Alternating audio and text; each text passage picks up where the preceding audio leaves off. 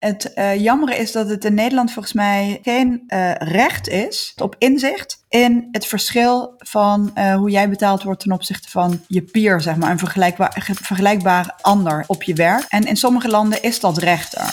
NPO Radio 1 EO Podcast. Geld of je leven? De vraag van vandaag. Met Sandra Flippen, Sander Heijnen en Hans van der Steeg.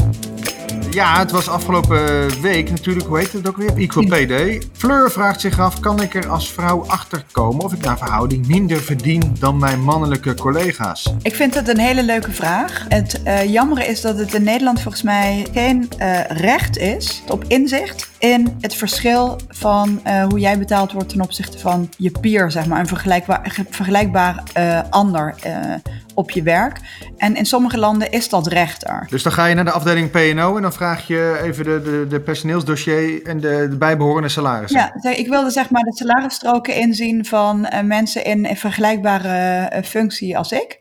En dan blijkt dus van alle dingen die overheden proberen te doen om uh, de lonen tussen mannen en vrouwen gelijk, gelijkwaardig te maken, is eigenlijk het, het bieden van dat inzicht het allerbest werkende instrument.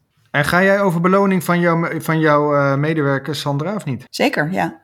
En, en, en als ze bij jou zouden komen van uh, Sandra, ik wil graag even weten wat uh, collega X verdient. ja, dat is best wel eigenlijk moeilijk. Ik denk dat ik dan of zou besluiten om het voor iedereen transparant te maken, of voor niemand, maar niet voor diegene die zeg maar het, het hardste roept. Uh, dat is denk ik wel een beetje het issue, want er zijn altijd mensen die heel erg uh, bezig zijn met een stapje hoger en, en iets meer verdienen. En er zijn ook altijd mensen die daar eigenlijk helemaal niet mee bezig zijn en die ja, als, als je niet oplet, dat, dat ze gewoon toch achteraan staan daarmee. Dus daar probeer ik altijd heel erg op te letten. Hoe zit jij in dat verhaal, Sander? Ik heb het zelf meegemaakt toen bij de krant werkte. Toen zat ik met een vrouwelijke collega te praten. En we hadden een uh, vrouwelijke uh, adjunct hoofdredacteur die erover ging. En toen kwam ik erachter dat ik zelf een paar honderd euro minder verdiende dan uh, vrouwen die tegelijk met mij waren ingestroomd. Dus was ik toch wel blij dat ik dat gevraagd had en dat wist. Want toen had ik wel een paar argumenten om, uh, om dat rechtgetrokken te krijgen. Um, dus, dus in die zin, ik zou het gewoon aan je collega's vragen. En, uh, en uh, ja, als je werkgever daar moeilijk over doet, dan denk ik dat je een ander probleem hebt. Maar, en, en, en, en ik ben wel benieuwd, Sander, hoe, hoe voelde dat op dat moment? Dat je daar dan achter komt? Dat ja. je minder krijgt dan die collega van je? Nou, ik ben daar redelijk praktisch in. Ja, je kan daar heel, uh, uh, heel beledigd over zitten doen. En dat heb ik in dat gesprek met die hoofdredactie ook gedaan.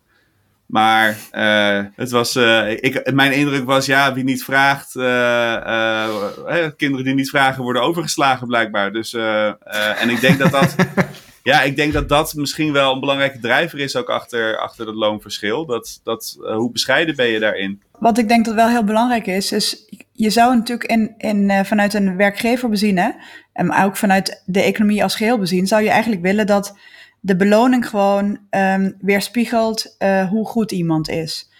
Um, alleen, met name in grote organisaties zijn er allerlei beloningssystemen. Het zijn hele grote, vaak een beetje logge systemen, waar alleen maar een weg naar boven is qua beloning. De, de hoogste beloning wordt dan de laagste norm. Dus als je dus transparant gaat zijn over alle beloningen. Ik, ik, ik, ben op zich ben ik er helemaal voor. Hè. Ik denk dat je eigenlijk zou je er transparant over moeten zijn. Maar als je er transparant over bent, dan zou je eigenlijk ook als werkgever uh, um, het moeten kunnen wijzigen als je vindt dat de beloning niet in lijn is met prestaties. En dat kan vaak niet. Vaak kun je eigenlijk alleen maar omhoog belonen, niet omlaag.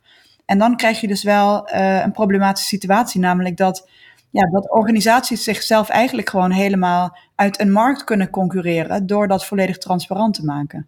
Ja, en ja enerzijds is dat zo. Anderzijds, hè, wat, wat, wat de meeste mensen die ergens in vaste dienst zijn, die werken gewoon volgens een CAO.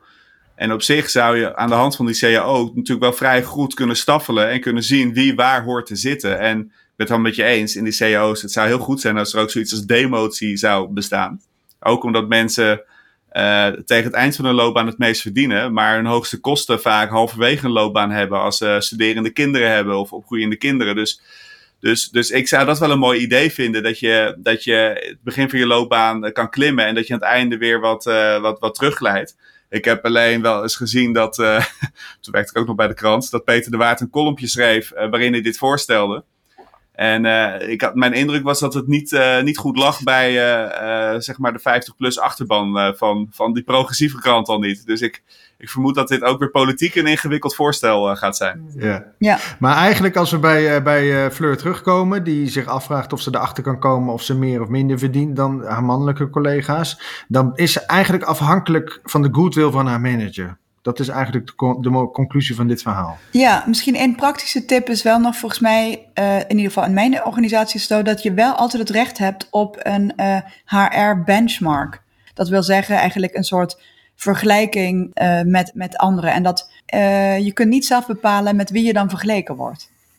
Maar goed, dat is dan, okay. dat is dan een tweede nou, ding. maar dit is denk ik wel een, een tip aan Fleur kunnen zijn, ja. Ja.